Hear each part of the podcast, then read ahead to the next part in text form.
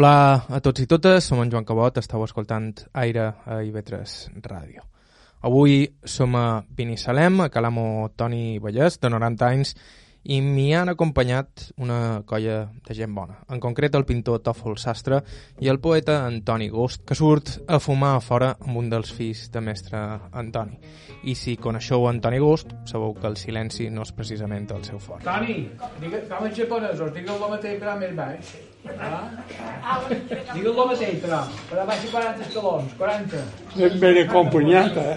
Aquest és Toni Vallès, fuster d'ofici. En el món artístic el coneixen bé perquè molts pintors, en Tàfol entre ells, li comanen els vestidors per als seus quadres. Bueno, jo he tocat, he tocat molt de, molt de pitos. Molts. Nosaltres teníem una fabriqueta i feien tacons de fusta per dona. Però en el poble hi havia set, set fàbriques de sabates de dona. I clar, eh, empleaven, empleaven tacons. Però se van anar morint totes les fàbriques de dona, valen que va ser-ho, i les d'homo quasi, quasi. Però a les d'homo encara ara n'hi ha que en fan. Vull dir jo perquè la vida molt ha fet fer canvis, volguent o no volguent, perquè han canviat les circumstàncies i, i la manera de guanyar molt la vida. I nosaltres, per, per sort o per desgràcia, hem viscut sempre dins que nostra, no m'ho hem parlat amb ningú, hem fet feina, si m'ho han pagat bé, si no m'ho han pagat, mala sort. I abans de continuar, una advertència. Mestre Toni xerra clar i no se talla. Aquí una petita mostra. La seva resposta quan li deman si el poble de Binissalem ha canviat molt des de que era Lot. El poble de Cabron igual. Antoni Vallès va viure una infància duríssima. Va haver-se de, de fer càrrec dels seus germans en només 6 anys. Es degué saber cercar la vida, perquè va créixer prou fort com per ser boxejador i feia un metre i 88 centímetres d'alt, tot un homonot. I encara que ell digui que mai va ser molt llest, és un home d'una intel·ligència fina i un humor corrosiu que, clar, ens va encantar des del primer moment quan el vàrem entrevistar. Estau escoltant Aire i Vetres Ràdio, us parla Joan Cabot, començam.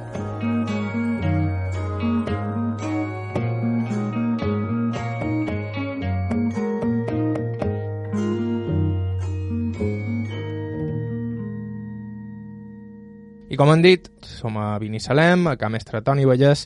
El seu nom complet és... Toni Vallès Pons. I quan vareu néixer? 30, L'any 1930. Quin dia? de 7 de maig. I vareu néixer aquí a Binissalem? Aquí mateix dins el poble? Sí. I en què se dedicaven els vostres pares? Un pare era fuster, però estava molt malalt. Estava, estava tuberculós. I jo li havia ajudat tot el que podia. I com que força me'n sobrava, anava menjant el que podíem. Com hem explicat abans, en només 6 anys, l'amo Antoni va haver-se de fer càrrec de la seva família, que ja era de tres germans. Però van tenir la sort de que van dur un destacament de soldats en el poble. Jo me feren l'ajudant des que duia el botiquín. I el corter estava separat del botiquín. I els matins, quan anava jo en el botiquín, ajudar en el, en el que duia el botiquín. I me'n duia una letxera i la deixava en el botiquín. Me'n anàvem en el corter i duíem el cafè llet per tots els malalts que hi havia. Que n'hi havia, potser una vintena, eh? Jo omplia la letxera i me'n duia cap a que nostra, perquè tenia tots germans, teníem el cafè llet a que nostra, tots. Bé, el migdia, altre tant de lo mateix, tornava a anar en el corter en sol del botiquín. Jo me'n duia una olla, la deixava en el botiquín, agafàvem el ranxo, jo me'n duia dins l'olla de que nostra, cap a que nostra, per dur el menjar en els meus germans i ma mare. D'aquesta manera anaren passant, però llavors van canviar destacament, el s'endugueren a la península, perquè a la península hi havia batalles fortes i vint de monestirs molt i s'endugueren el destacament. Me'ls deixaren a l'aire. I què t'he de dir? I on estava aquest destacament? Una casa que se diu Can Saliveta, que va ser una fàbrica de sabates molt gran. I hi havia puesto abastament per soldats. I, i per la cuina n'han de parlar. Nosaltres molt va salvar això. Perquè jo no tenia edat encara d'anar a fer feina, però en feia Quants anys teníeu? sis anys. El motiu pel qual Antoni s'havia hagut de fer càrrec de la seva família no era la malaltia, sinó la situació política. Son pare va ser detingut el 1936 amb el cop d'estat militar del general Franco. Mon pare estava a la presó en aquest temps, no per robar. Però a sis anys, ma mare, quan s'endugueren mon pare, va dir ara tu, que eres el cap de família. Així que veig viu, escolta i no xerris. Perquè les coses no eren com ara. Hi havia gent, gent bona, gent que no era tan bona gent que era molt dolenta. I els que comandaven eren els que eren dolents. Els bons no podien anar enlloc, perquè per tot els abarrossaven.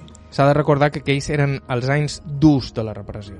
Enamistar-se amb segons qui podia tenir greus conseqüències. De fet, la Montoni m'explica una anècdota que serveix per il·lustrar de quina manera exercien la seva influència aquells que tenien afinitat amb el règim. En aquell temps, jo en això ho sé perquè he viscut les disputes que hi havia. Hi havia l'apotecari don Gabriel Llebrés, que és l'apotecaria d'Escat de Cantó. Llavors hi havia l'altra apotecaria, eh, que era don Bernat Nadal.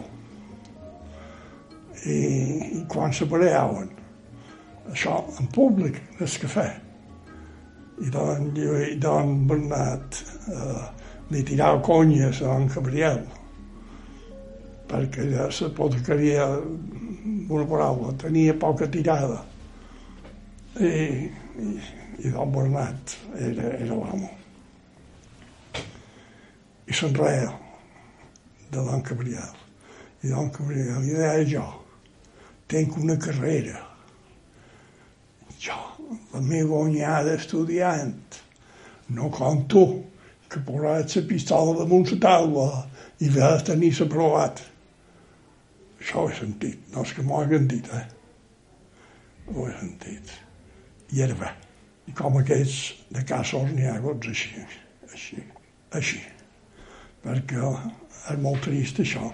Si ara un té qualque familiar que, que, que ha, fet, ha tret un títol d'aquesta manera, allà per estar empaguit de sortir al carrer.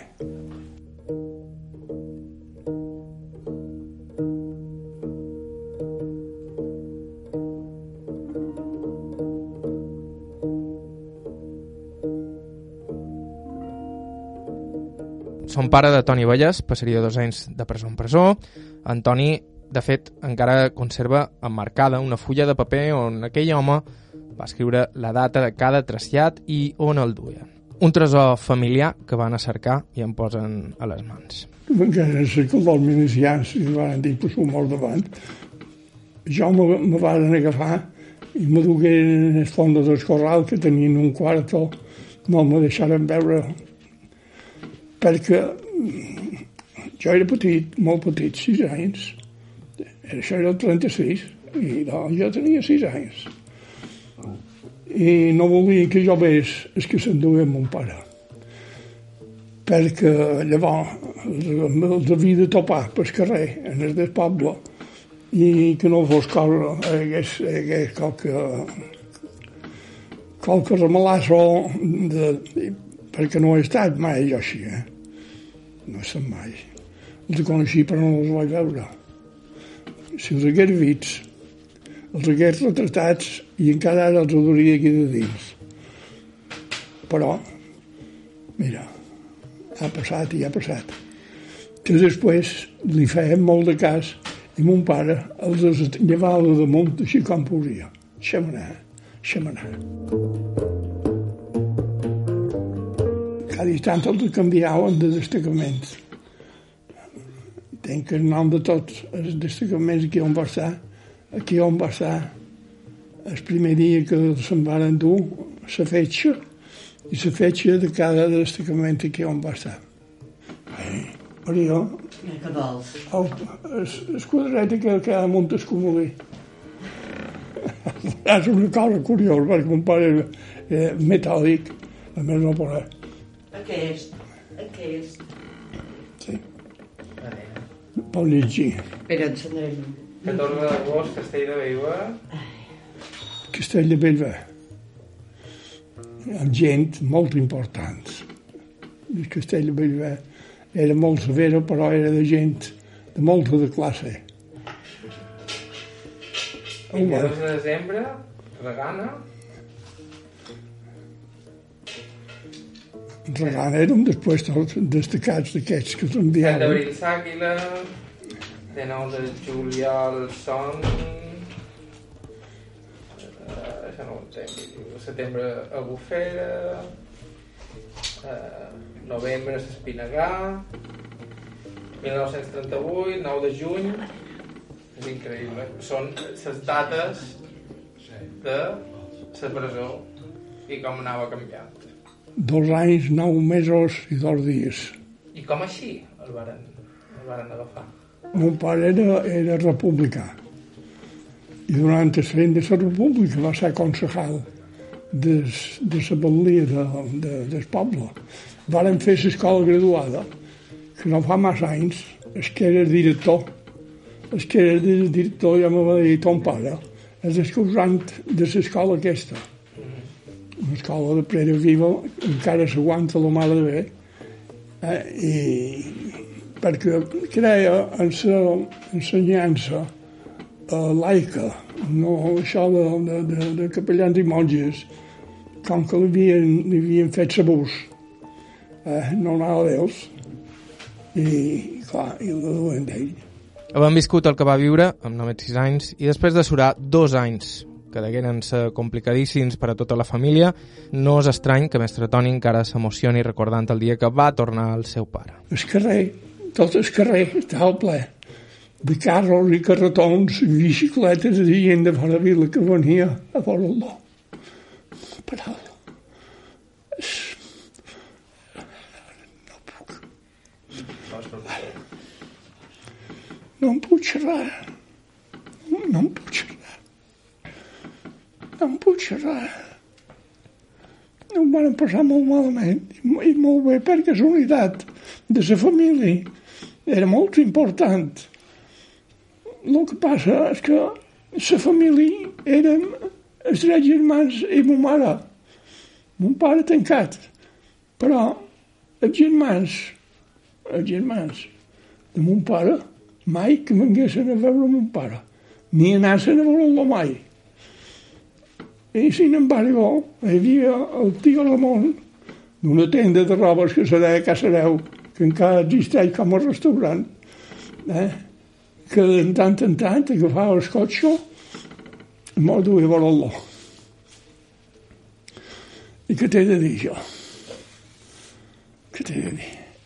Una vida, una vida desagradable per una part i molt agradable per l'altra eh? perquè hi havia gent molt bona. Però també bé havien d'estar alerta de molts raó, eh? perquè si haguéssim vist que mos feien favors, ho haguéssim passat puta. Perquè hi havia gent que mos feia molt de cas, però havien d'estar molt alerta. En canvi, era de família que tenien mai una mossegada de pa. Una mossegada de pa tots els germans de mon pare eren, eren fascistes, però fascistes. Hasta el ninfosell de dins que seu. Vist jo. I, i revistes alemanes de guerra, eh, una paraula, eren dels, de, de, de, dels règims que llavors s'usaven, o sigui, Itàlia, Alemanya i Espanya. Era, era el que hi havia. L'única vegada, l'única jo anava a l'escola a les monges, el que tenia, si dues espardenyes, espardenyes, sabates, cap. Però espardenyes foradades, fins que un dia me n'anava jo a l'escola, el carrer venia ple d'aigua, jo amb les perdenyes que tocaven la peu en terra, el tio Ramon, el de la tenda de roba de Casareu, m'agafà, me va dur quan Andreu del Molí, una drogueria que hi havia, venien de tot, me va comprar unes sabates de sala d'alto, unes espardenyes d'aquestes, de lona, en sala d'auto. Clar, no? Per jo va ser, va ser l'home gran.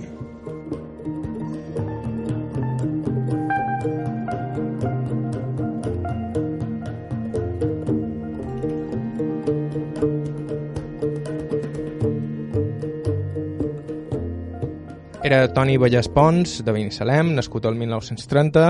En uns segons continuem amb la seva història. Estau escoltant Aire a IB3 Ràdio, fem una breu pausa i continuem.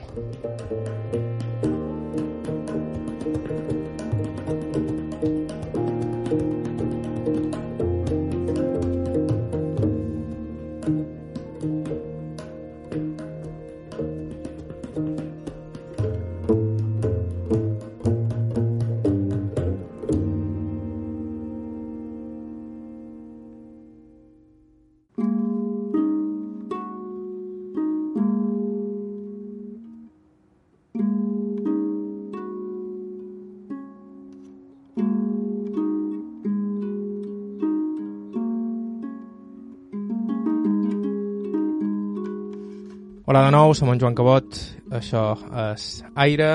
Avui estem escoltant les memòries de mestre Antoni Vallès, nascut el 1930 a Binissalem. Uh, mestre Antoni Vallès ens el va voler presentar el pintor Tòfol Sastre, que des dels de 9 anys li comana vestidors pels seus quadres.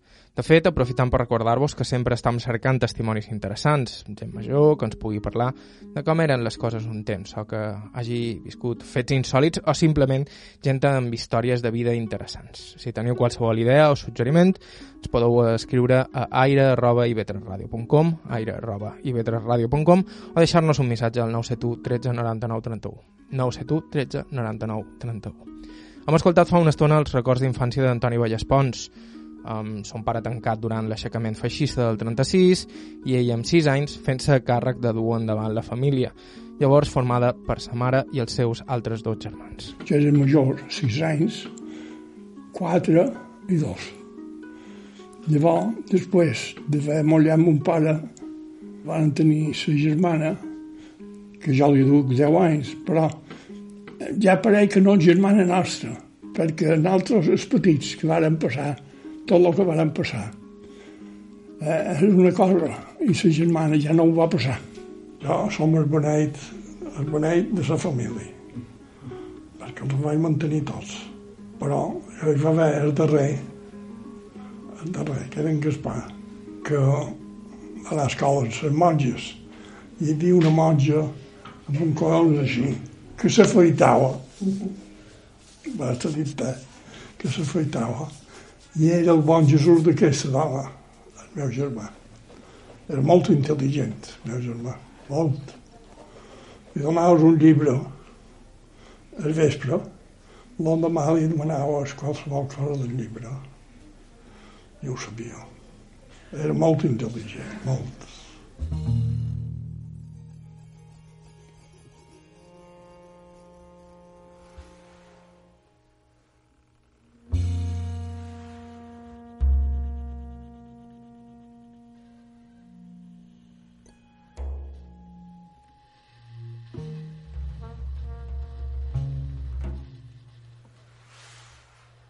Varen amollar son pare, les coses no varen ser menys dificultoses. Aquell home va tornar de la presó encara més malalt. Havia tingut o tenia una pulmonia quan el s'endugueren.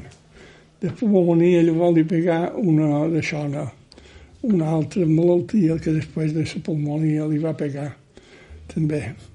I ni podia fer feina, tossint i, i sang, i bueno. I, i, i anava un metge Palma, que estava damunt del Teatre Balear, i aquest, juntament amb un tal Torre d'Agost de la Pobla, un Torre d'Agost aquest, el van xufar perquè l'operassin. I va ser un dels set primers que operaren d'un pulmó en l'Hospital de Sant Pau. I l'Hospital de Sant Pau no va passar cap any que no mos enviessin juguetes pels Reis. Una cosa extraordinària per nosaltres. Juguetes de, de, de no resos. Però l'alegria de tenir juguetes eh, era una paraula. Era, era molt emocionant, molt, però... Encara un nin, Antoni va haver-se de fer càrrec de la fusteria de son pare. Ell la feina mai li ha fet por i al principi fins i tot es dedicava a fer juguetes pels seus companys, una manera també de fer quatre duros. Tot el que vaig comprar per ajudar mon pare, tot una, en 10 anys, en 10 anys jo anava a l'escola graduada i, i don Pep, don Pep, que era director, era amic de mon pare i havien estudiat plegats. I deia, mira tant Antoni, fent-se monja, fent-se monja, passava davant en els, en els fills dels que tenien duros. Però llavors va venir a final de curs i a final de curs tots aquells que m'anaven a la meva zona se'n van anar a estudiar a Inca. Jo vaig quedar al poble. Ja no me'l vaig moure. I vaig jo. I vareu començar a fer feina de fuster? Amb mon pare, eh? I el vostre pare podia fer feina? Poca, poca. Poca, i a més, a més, la nostra feina feia pols i la pols també era fatal, fatal per ell. Però jo no feia res. Tant és així que cada vegada que me feien una revisió i me deia el metge que has fumat molt, mai. Jo, jo, ja feia, mai. Ni un cigarro, ni un allò, que mai havia fumat. Però clar, el que duia era la pols de, de lo que feia feina.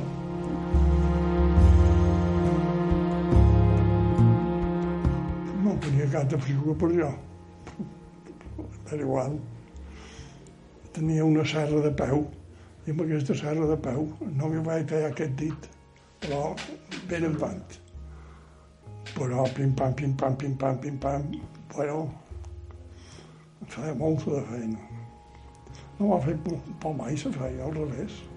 Llavors, feia brots, feia buldufes, feia pistoles, tots els soldats venien a darrere jo, però els feia pagar, eh?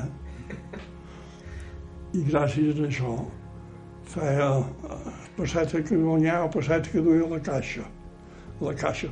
Però quan havia 500 pessetes, me deixaven la plaqueta neta. Mon pare i mon mare vint de menester, però és igual.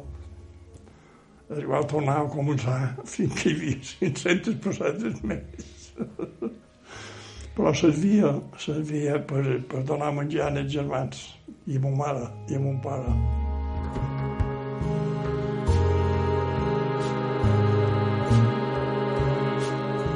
Aquí, aquí en el costat, era el magatzem de la fusteria del Pradí. El Pradí tenia fusteria.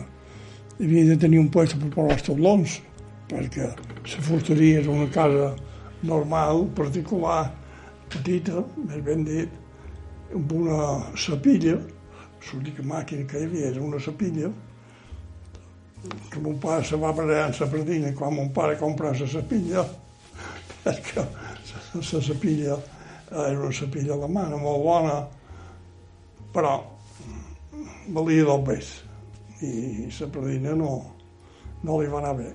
Però és igual, la va comprar. Però va, aviat, aviat varen buidar i varen passar a casa nostra. Varen fer xinfí, el xinfí. Era fet nostre, mon pare i jo, de fusta. Els volants de, de fusa per trobar un motor de dos cavalls, el que varen passar. El vàrem arribar a trobar d'un mecànic que hi havia a Sirré, de Lluís Salvador, un mecànic naval que era amic de mon pare i va poder lograr un motor de dos cavalls. I llavors l'adaptaren amb les politges necessàries per, per s'enfiar aquest. I bueno, i em vaig fer d'hores de sinfí, perquè llavors no hi havia cap de sinfí petit en el poble. I, i per bugir eh, eh, no tenien ni serra ni cinc fins. I els altres tenien les serres i els cinc fins. Llavors jo els volava les serres. No havia de menester ningú. I d'aquesta manera eh, anàvem, anàvem replegant qualque duró. Però molt ha costat, eh? perquè, com explicava al principi del programa, Binissalem hi va arribar fins a set fusteries que competien entre elles. Així que ells es van tirar al negoci dels tacons, uns tacons que venien a les moltes fàbriques de sabates dels voltants. Parlant de la fusteria, aquí en el poble estava molt mal distribuït. Hi havia un parell de fusters que ho compraven tot i els altres s'havien de morir de gana. Nosaltres érem d'un dels que morien de morir de gana el programa fet a con de fusta per sabaters. I, i fent a con de fusta per sabaters, hi havia sabaters molt bons a llum millor i els feia sabates per sabates de llum millor els pagaven bé. Llavors, a Inca també, i d'aquesta manera anàrem, anàrem eh, amb una paraula, anàvem passant el mal temps, el anàrem passant. Però bé, fent feina, fent feina, i volguem fer feina. Totes les coses més o menys s'arreglen. Llavors també eh, teníem una altra d'això, i era que podíem anar a cercar la fusta que volguéssim a Can Marc. Allà hi havia d'Antoni Ferragut, que era el director de la planta de, de, de fusta, que arribàvem allà i per així havien arribat ministres, que arribàvem un pare i jo perquè tot sol mon pare no, no, no hi podia anar. No hi podia anar, no tenia coratge. I jo sí. I m'anàvem allà. Mestre Antoni, que heu de menester? Hem de menester això. Esperar un poc. Rin, rin, rin, rin. Vam posar un número tal de jaca, huesca. Plegàvem molt de poll, nosaltres. I el poll de huesca era el millor que hi havia. I a Can Marc el duen d'allà. I i compràvem allà. També compràvem un tronc, vint de dos troncs, vint de fer trossos, llavors fer gruixos, llavors fer barres. Un pare va dir això no va de cap manera. Si no canviem, perdem el mort pel camí. No pot ser, no pot ser.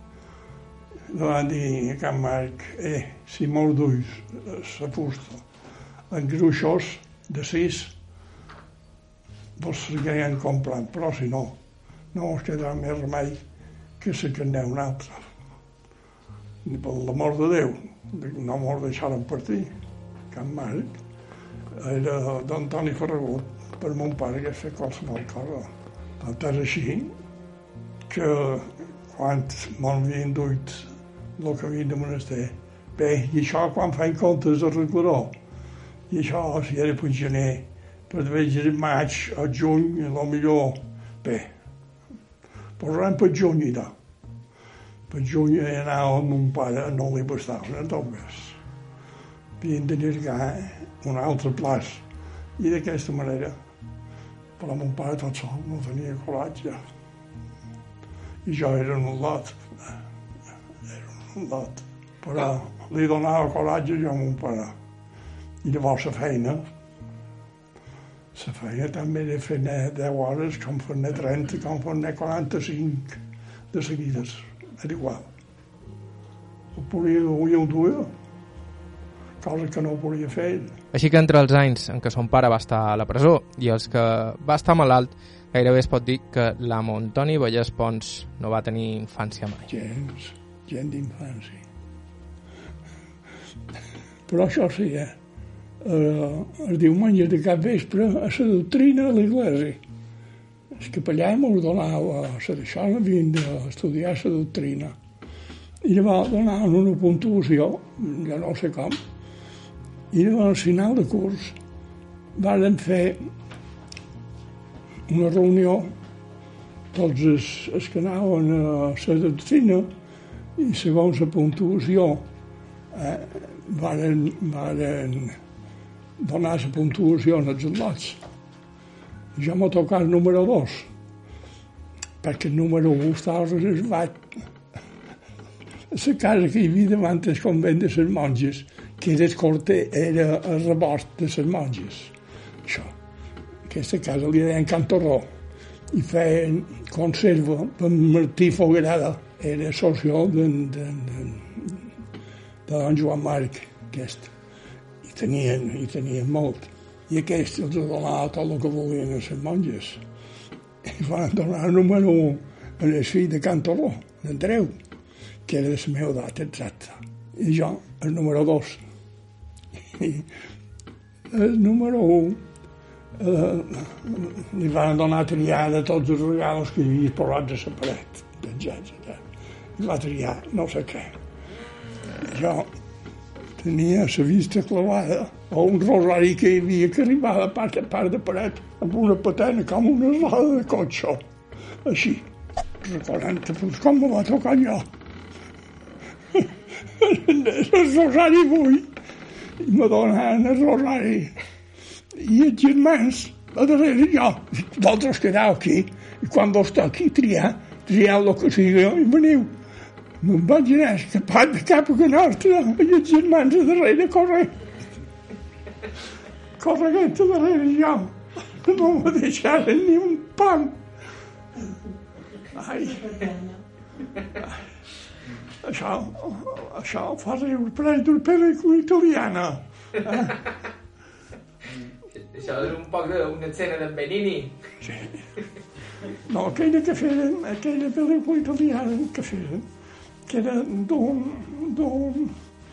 d'un mestre uh, d'això que tirava uh, al cine, Eh? que tenia Que una lotet, una lotet que li girava les pel·lícules. Doncs ja ho feien, això, mon pare.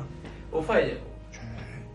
Antes de sis anys ja ho feia, això. Ho feia? Llavors, quan mon pare el s'endugueren, van haver de cercar un altre. Bé, però llavors feien el cine nou. En el cine nou, però ara en marxa cine nou, no acabaven cap funció. Un desastre, un desastre, un desastre. I els amos del cine nou eren tot de dretes. I vengueren a cercar mon pare perquè anàs a posar ordre allà, a la sala de màquines, i mon pare diu, no, jo la vendré. Però si vols serveix Antoni, Antoni vos pot solucionar el problema. I me'n vaig anar cap allà i llavors acabaren totes les funcions. Moltes pel·lícules que eren dolentíssimes, les pel·lícules llavors eren de cel·luloide, i per no res s'espanyaven, perquè eren tan dolentes que no tenien resistència de res. I jo el tornava a enrodillar i, i espanyades i tot rodaven i sortia la imatge. Llavors, eh, el divendres havien d'anar a muntar les pel·lícules per dissabte per fer funció. I fèiem el dissabte, el diumenge de cap vespre i el diumenge vespre. I moltes vegades el dilluns en fèiem un altre. Sobretot quan hi havia aquestes sèries de Fumanxú i d'aquestes sèries que enganxen molt en el públic. Llavors n'hi havia seguit, seguit, de sèries d'aquestes. I el cine ple, així. Quines pel·lícules vos agradaven més? Poques. Poques. Eren molt dolentes. Però va, les americanes, les americanes tenien eh, una deixona damunt les altres.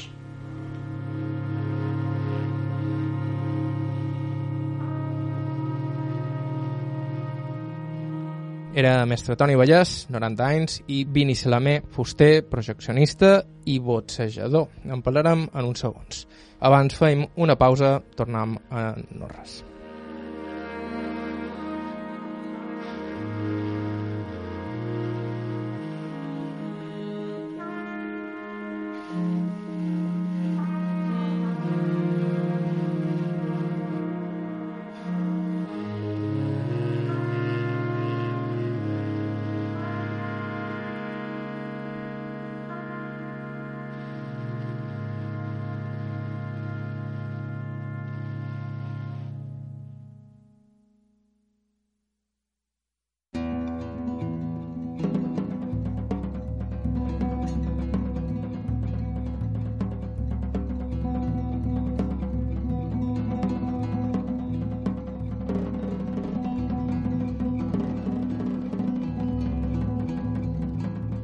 Hola de nou, estàu escoltant Aire, avui a Binissalem, amb els records de Toni Vallès Pons, un home de 90 anys que va haver-se de fer càrrec de la fusteria de son pare en només 10 anys i que ja en 6 es feia càrrec de la seva família. Abans de continuar, vos recordam que podeu escoltar el programa des de l'inici a ivetres.org, on trobareu també tot l'arxiu del programa, i que la millor manera de no perdre's cap capítol d'aire és fer servir qualsevol dels agregadors de podcast disponibles. Es trobareu a la majoria de plataformes i a la majoria de plataformes també ens podeu deixar una valoració, si vos ve de gust, que farà més fàcil que altra gent descobreixi el programa. A Toni Vallès nosaltres el varen descobrir gràcies al pintor Tòfol Sastre, a qui varen conèixer en persona entrevistant el poeta pobler Antoni Gost, un altre dels episodis que trobareu de fet en el nostre arxiu. Toni Vallès ha viscut una vida de contrastos, moments molt feliços i moments molt durs, duríssims. Una paraula. La meva vida ha estat molt agradable per una part i desagradable per l'altra. Molt, però no, no un poc, molt. Un dels moments feliços va ser el temps que va dedicar a la botxa, quasi de rebot, però va acabar competint contra el campió d'Espanya de la seva categoria. Mestre Toni es va poder retirar sense que ningú el tombàs. Tenia un amic un poc, un poc desbaratat. I n'hi havia un en poble molt fort. I volia ser boxeador? Una forçada. És un desastre. Feia feina tot el dia al matí i llavors se n'anava a la botiga començava a comprar i la taula del cafè no li bastava per, comprar, per, per compondre el que havia comprat. Llavors se'l fotia. Oh, tenia una forçada. Se pensava que això li bastava per guanyar a qualsevol. Va fer una volada de boxeo i eren un soldat que segur que patia rusca, un soldat català, i li donava una manta, una manta que bona. I aquí se l'ha acabat, aquest. Això era en Eloi, en Eloi. I, I de passo, jo, com que havia d'entrenar en Eloi, entrenava.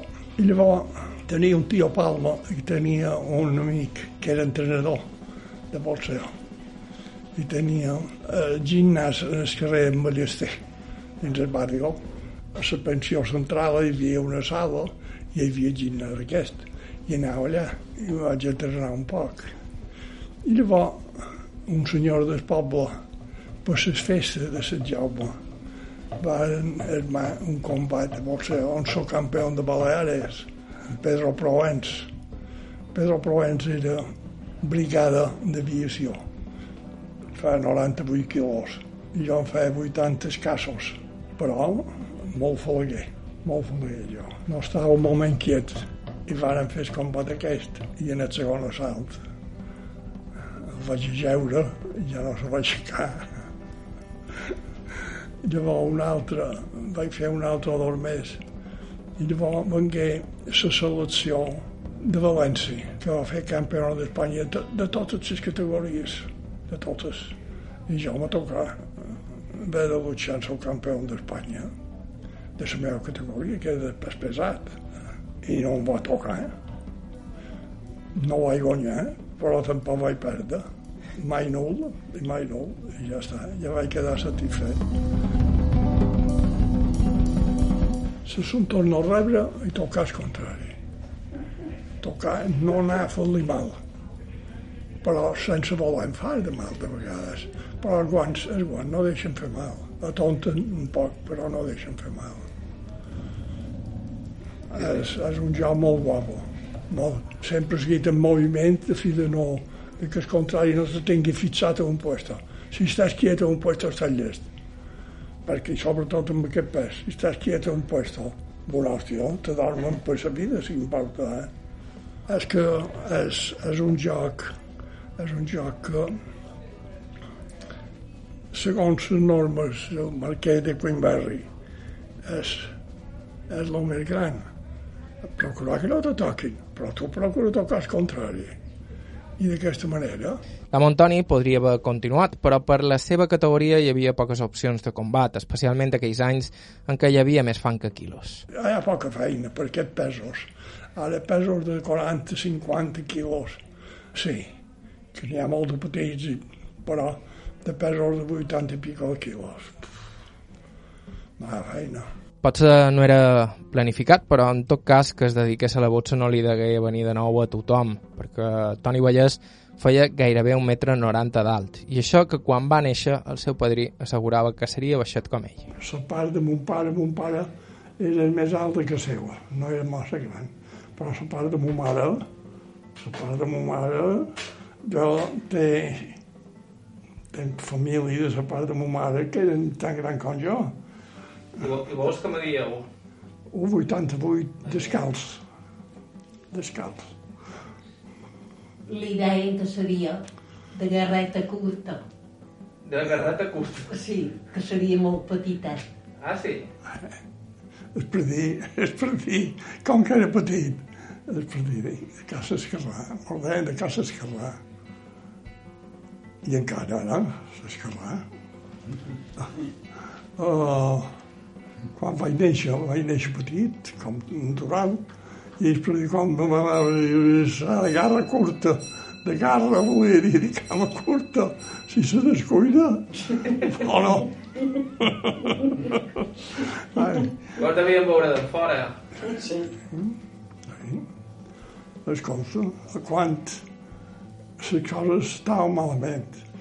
Uh, van llicenciar un grup de, de soldats que es que havia duia menys duia set anys de, de mili. Set anys de mili. I jo em feien una proposició de firmar per tres anys. Vaig firmar de cop. Tres anys de mili de cop. I em vareu anar. I intendència, sí, no, jo ja sabia on anava. I intendència, quan vaig arribar, uh, de matí, dilluns, de matí, uh, quan tocaren el ranxo, havien d'anar a cercar el pa.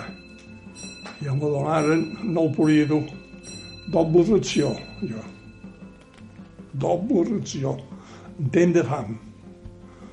Vull dir jo que, a mi de tot, he tingut uns apoyos molt bons. I tenia el sergent major, diríem, d'Escorter, que era del poble, molt amic de mon pare, i la seva dona era un poc família nostra. I què t'he de dir jo? Jo era igual que està que nostra, en Escorter. I, a més, un cuiner d'hotel, en Escorter, en aquell temps. El cuiner era un cuiner d'hotel que tots els hotels estaven tancats i aquest se va col·locar de cuiner a intendència. Jo vaig menjar canelons i no en havia menjat mai, d'escorter. I feien canelons, no sé si era dijous o divendres, i paella l'endemà. Si haguessis vist i comptat si hi havia el doble de gent en el menjador que no, que no tenien de soldats. I com que jo el primer anava vestit de paisà, no tenia traje. Traje no en tenia. I, i estic que les dones des, del taller me feien el traje, jo anava de paisà. I com hi anàveu fins a Bici, bicicleta. Bicicleta i, empleava el mateix temps que el tren, una hora. Les carreteres no eren tan bones com són ara, però jo en la bicicleta, pam, pam, pam, pam, m'estimava més anar en bicicleta que en el tren, perquè en el tren de vegades tenia fallos i havien d'esperar i de vegades havien d'anar a cercar llenya per donar llenya en els, en els fogons de la màquina per poder marxar.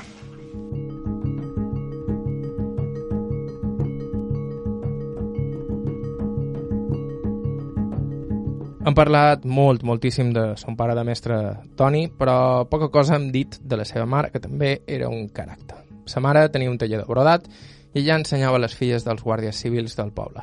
I com el seu fill no mirava el rellotge quan havia de treure la feina endavant. La contrapartida per Antoni va ser criar-se envoltat de jovenetes. De fet, al taller de sa mare va conèixer la que seria la seva dona. Ma mare també passava nits senceres brodant i l'endemà quan venien les al·lotes seguia brodant i d'aquesta manera. Ma mare era una dona de, una dona de, de pres- presència i potència. Guapa i curra era i molt intel·ligent, molt, perquè tenia una, una rotlada de lotes que els ensenyava i els apagava, a les hores que feien els apagava, eh? però els ensenyava. I tots els van ensenyar bé. Ma mare era brodadora, professora, tenia lotes, els ensenyava. Entre elles, quasi, quasi totes eren filles de guàrdies civils. I bueno, era, era una juerga perquè les lotes joves ja tenien moltes bromes i només me feien, me feien exaltar jo perquè me feien dir quina era la més guapa i, i jo un nen que tenia en aquell temps eh, podia tenir dos o tres anys no tenia més eh, aquella. I perquè aquella i perquè jo no i perquè aquella sí i jo no. I era una lota. Totes, totes se barallaven per donar dinar casa seva per rentar-me amb una paraula, un casset que no te pot fer una idea. I jo encara me recordo, i ella també va morir ara no fa massa anys. I vaig dir, per què sí que tens ulls més nets? Com, com és això dels ulls més nets? Tenia uns ulls color de cel, però tan un cel tan, tan fi, tan fi, tan fi, que, que, que, que bueno. I aquesta dona, com la vareu conèixer? Perquè venia a la nostra prenda de brolar. Però no va deixar de mai a dir que seva. No, mai vareu xerrar dins que vostra. No. Les brodadores i això m'enviaven a, al Molàs Punxó, no hi volia anar. Que no veure-lo.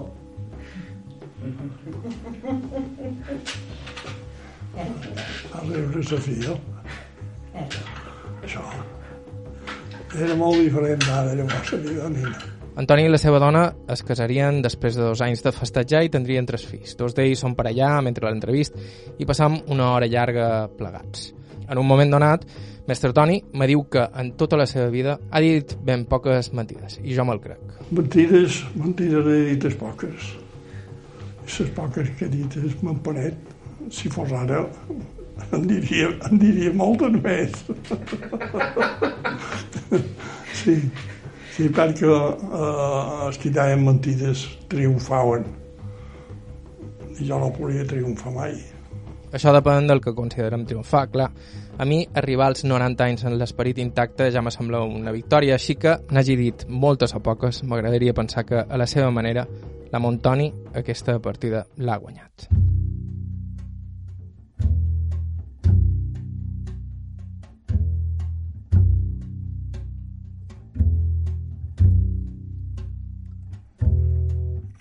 Fins aquí el programa d'avui. Moltíssimes gràcies a Antoni Vallespons i a la seva família pel seu temps i amabilitat i moltíssimes gràcies a Tòfol Sastre i Antoni Gust per dur-me fins casa seva. Mos hem promès un berenar i això a sa pobla és paraula sagrada. La música que ha sonat en el programa d'avui ha estat de Marisa Anderson amb Jim White, Bill Frisell, Joshua Abrams i Chris Spitz. Podeu escoltar aquest i tots els nostres programes anteriors a ib3.org i també vos podeu subscriure al podcast d'Aire a qualsevol dels agregadors disponibles. El nostre correu electrònic és aire.ib3radio.com i també ens podeu deixar missatges al 971 13 99 31. Bàrbara Ferrer a la producció executiva, us ha parlat Joan Cabot, gràcies per ser a l'altre costat i fins la setmana que ve.